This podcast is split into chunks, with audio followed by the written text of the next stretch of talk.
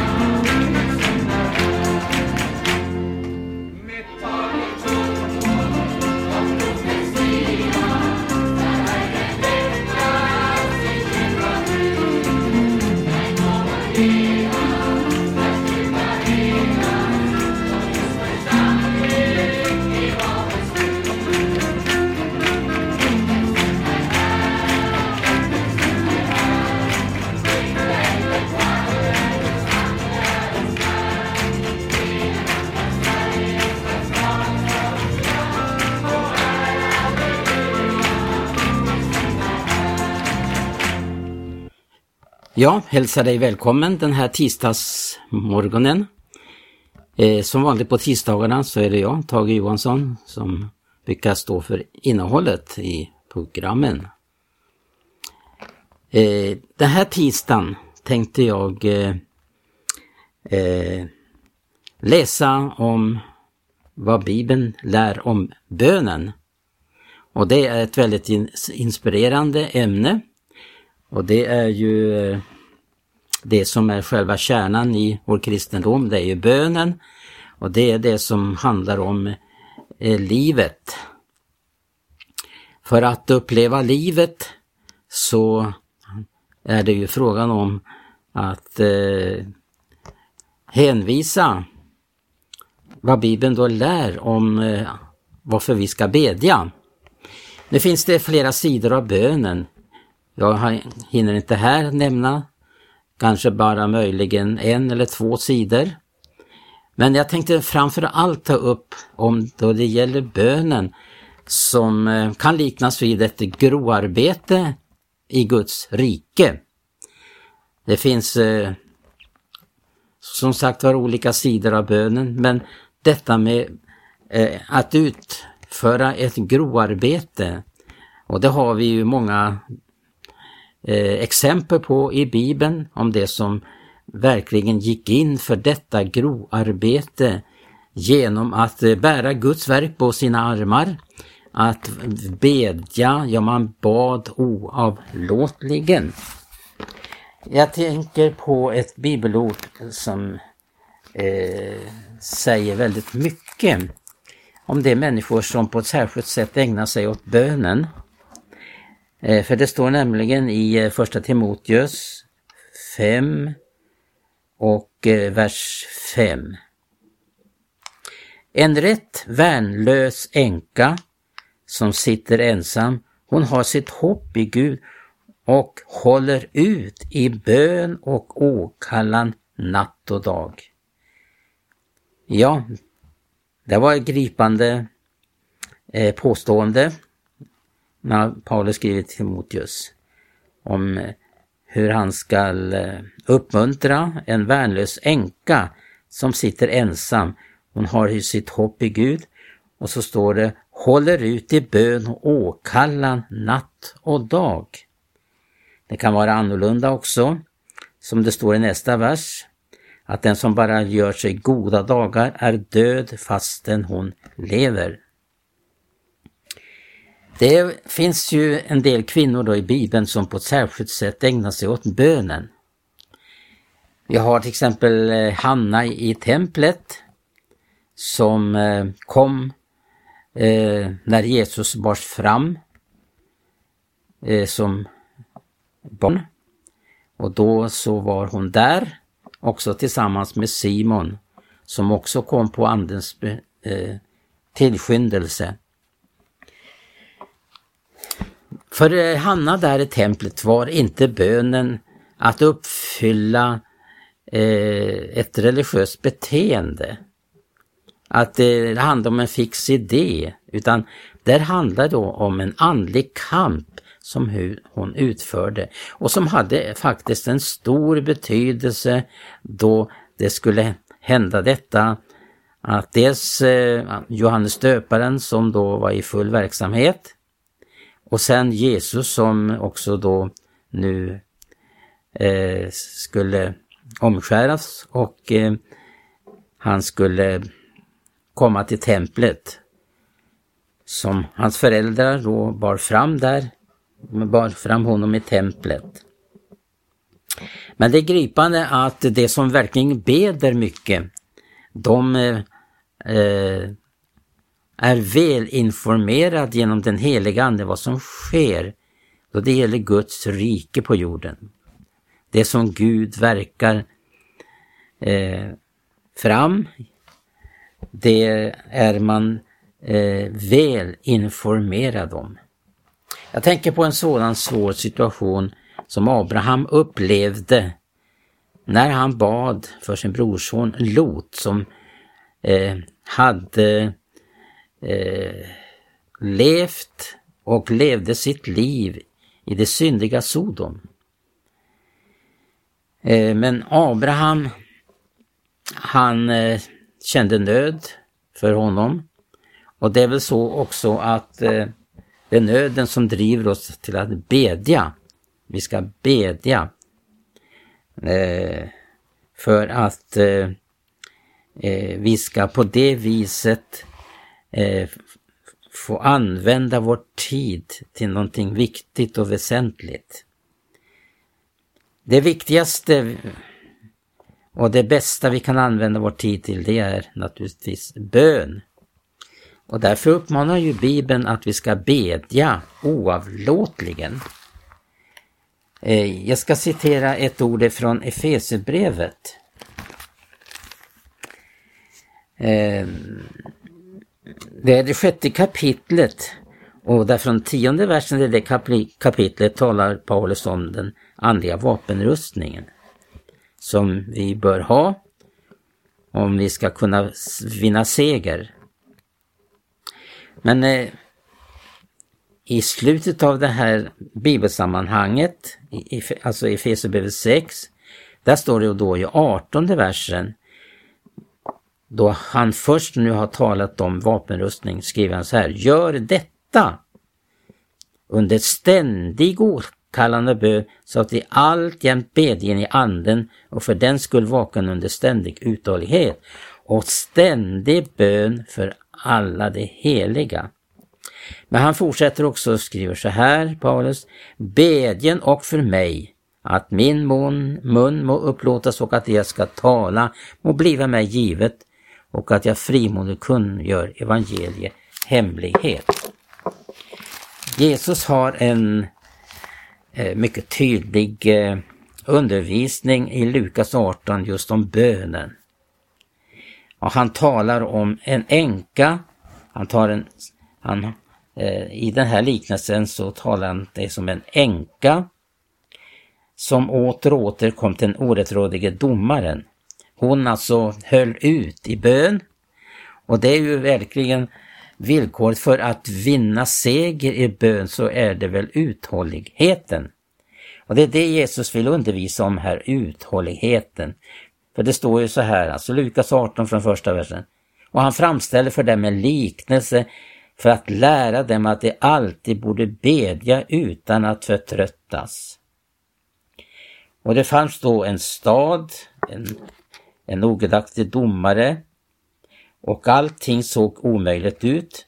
Men det står om denna änka att hon åter och åter kom och sade skaffa mig rätt av min motpart. Ja, till en tid ville han icke, men omsider sa han vid sig själv, det må nu vara att jag inte fruktar Gud, ej heller har försyn för någon människa.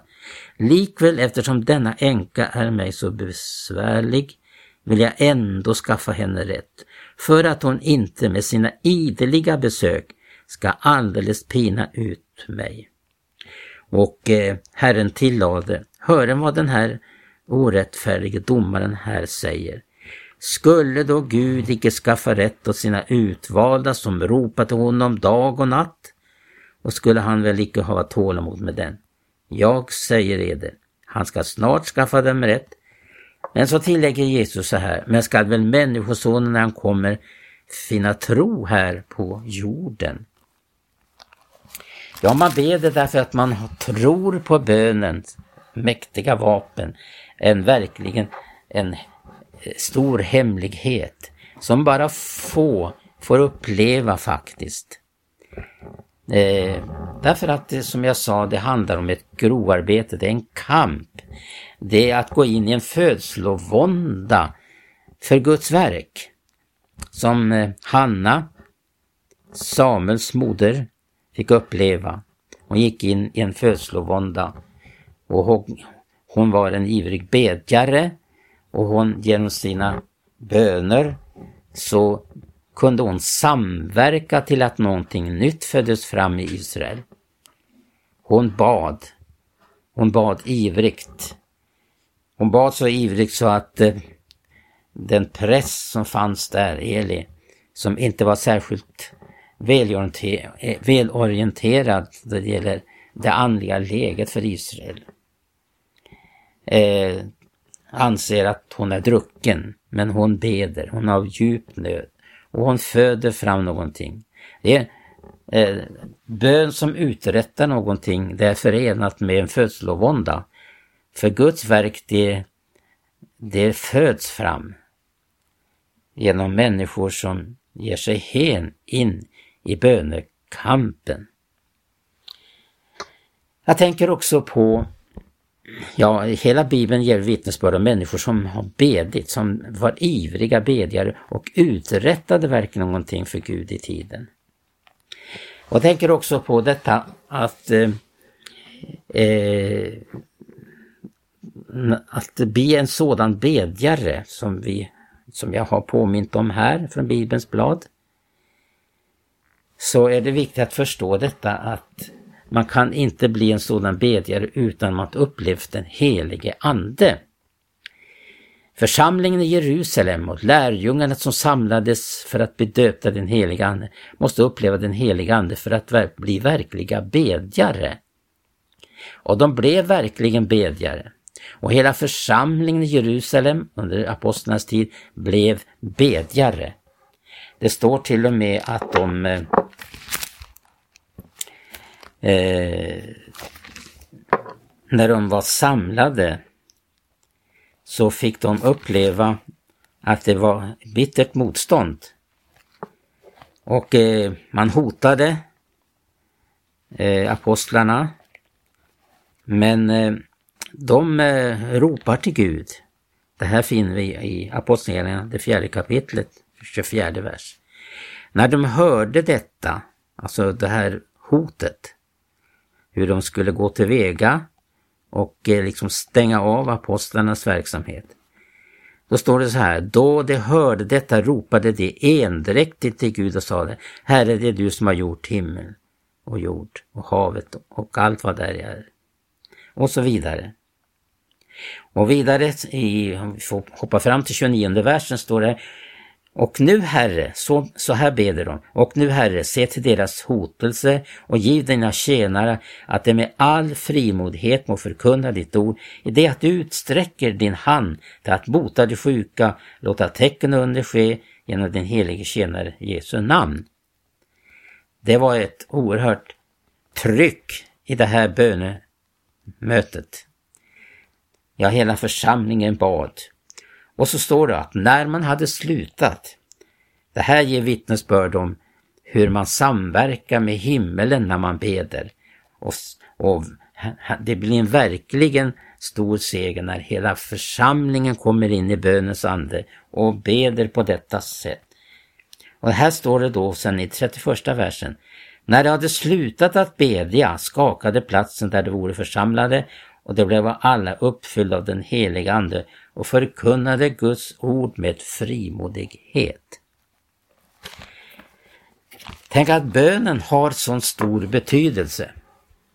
Och det är väl så här att eh, under tider som har varit så har eh, det ibland synes vara helt stiltje i frågan om andliga ting och upplevelser en människa kan göra.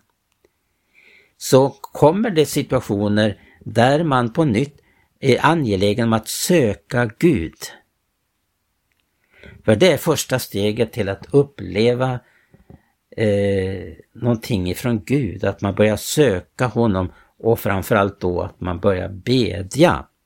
Det står ju så här att Guds ögon, de överför hela jorden för att han i sin kraft ska bistå dem som med sina hjärtan hängiva sig åt honom. Det är förutsättningen med hängivna hjärtan. Det var det som eh, präglade dess 120, eh, ja cirka 120 stycken som var samlade på pingstdagen och som blev döpta den helige Ande. De upplevde verkligen hur angeläget det var att söka Gud, att få upp, bli uppfylld av den heliga Ande och att det var bönen, deras bön, de höll på i tio dagar och bedja för att det skulle ske en öppning. För att det är ju så som det var för Jesus också. När han bad så öppnades himmelen, står det. Och han begynte sin verksamhet.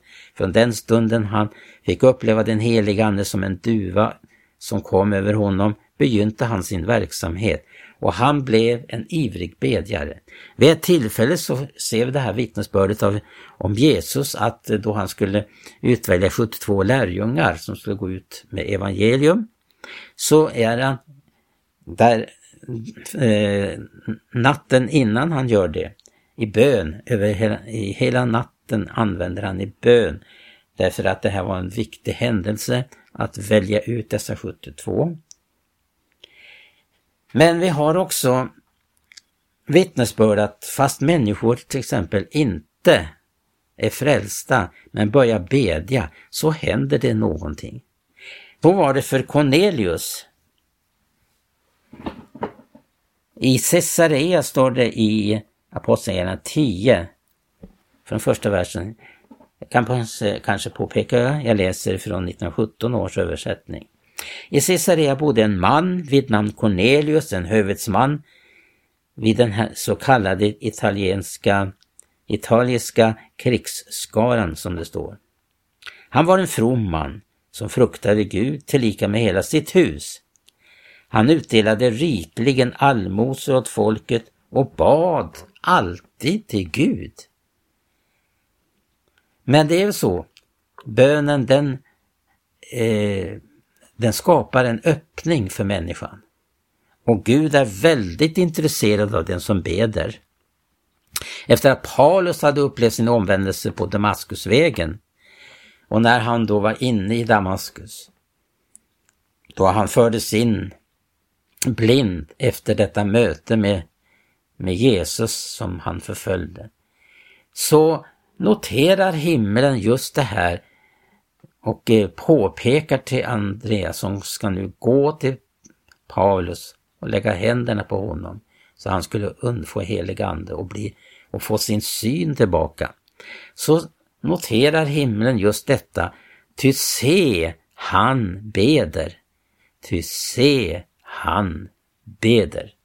Och det var det som Cornelius gjorde. Han bad och när han nu sökte Gud i bön så får han en änglauppenbarelse som säger till honom vad han ska göra för att han ska kunna vid komma vidare och faktiskt uppleva frälsning.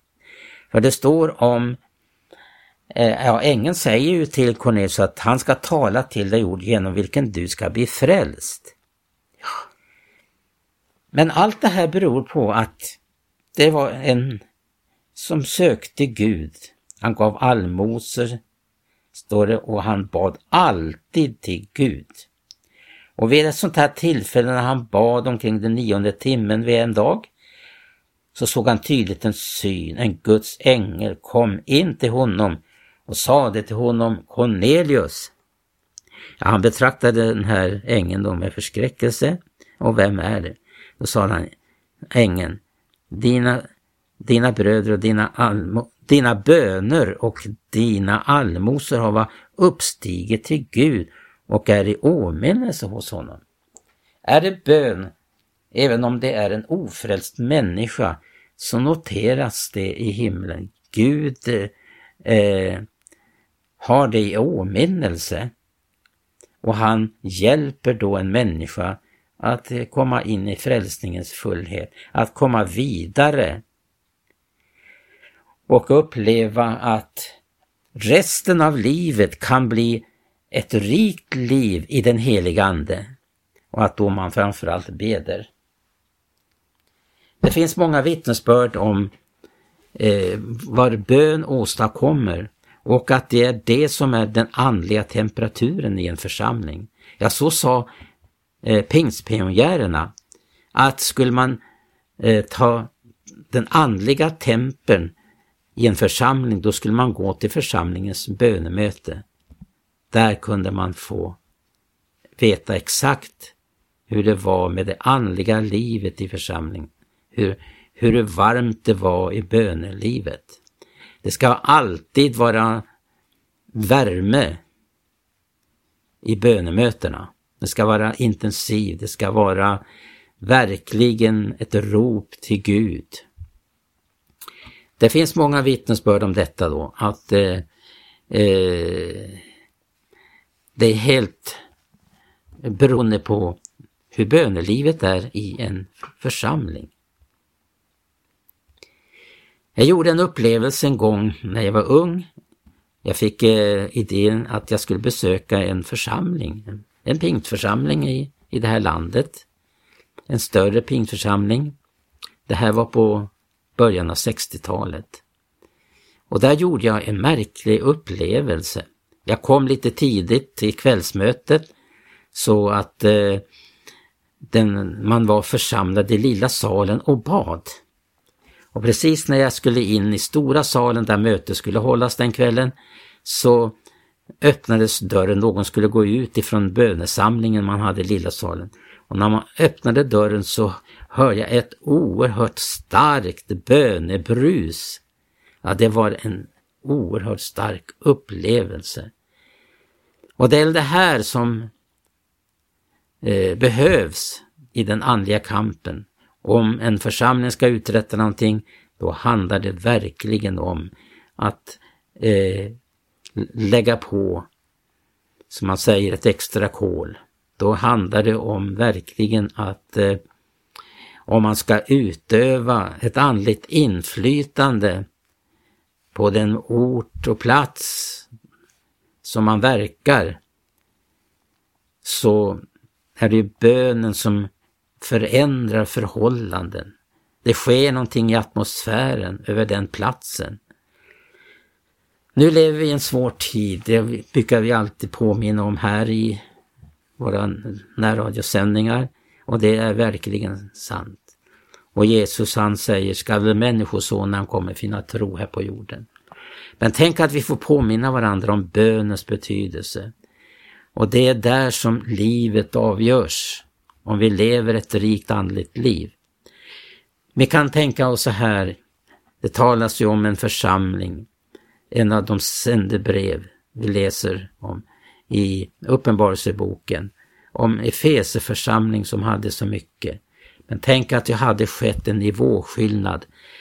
Och det förstår vi att Orsaken till att man hade förlorat den första kärleken det var att man försvagades i bönelivet. Den var inte lika intensivt och varm som det var från början. Och därför heter det också att man uppmanas att göra åter de gärningar som man gjorde under sin första tid.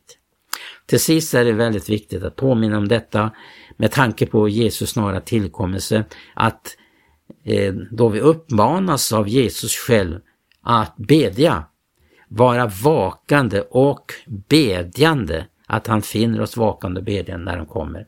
Då är vi redo att möta honom. Om vi lever i bönens ande, då kommer vi att genom den kraft vi upplever förvandlas. Det är genom den heliga Andes kraft vi ska förvandlas. Äger du den här kraften? Men jag uppmanar dig, sök Herren på nytt i så fall och uppleva att du kan få idag uppleva förnyelse i den heliga Ande. Gud välsigne dig som har lyssnat och eh, vi önskar dig all gott i fortsättningen tillsammans med Jesus Kristus. Amen.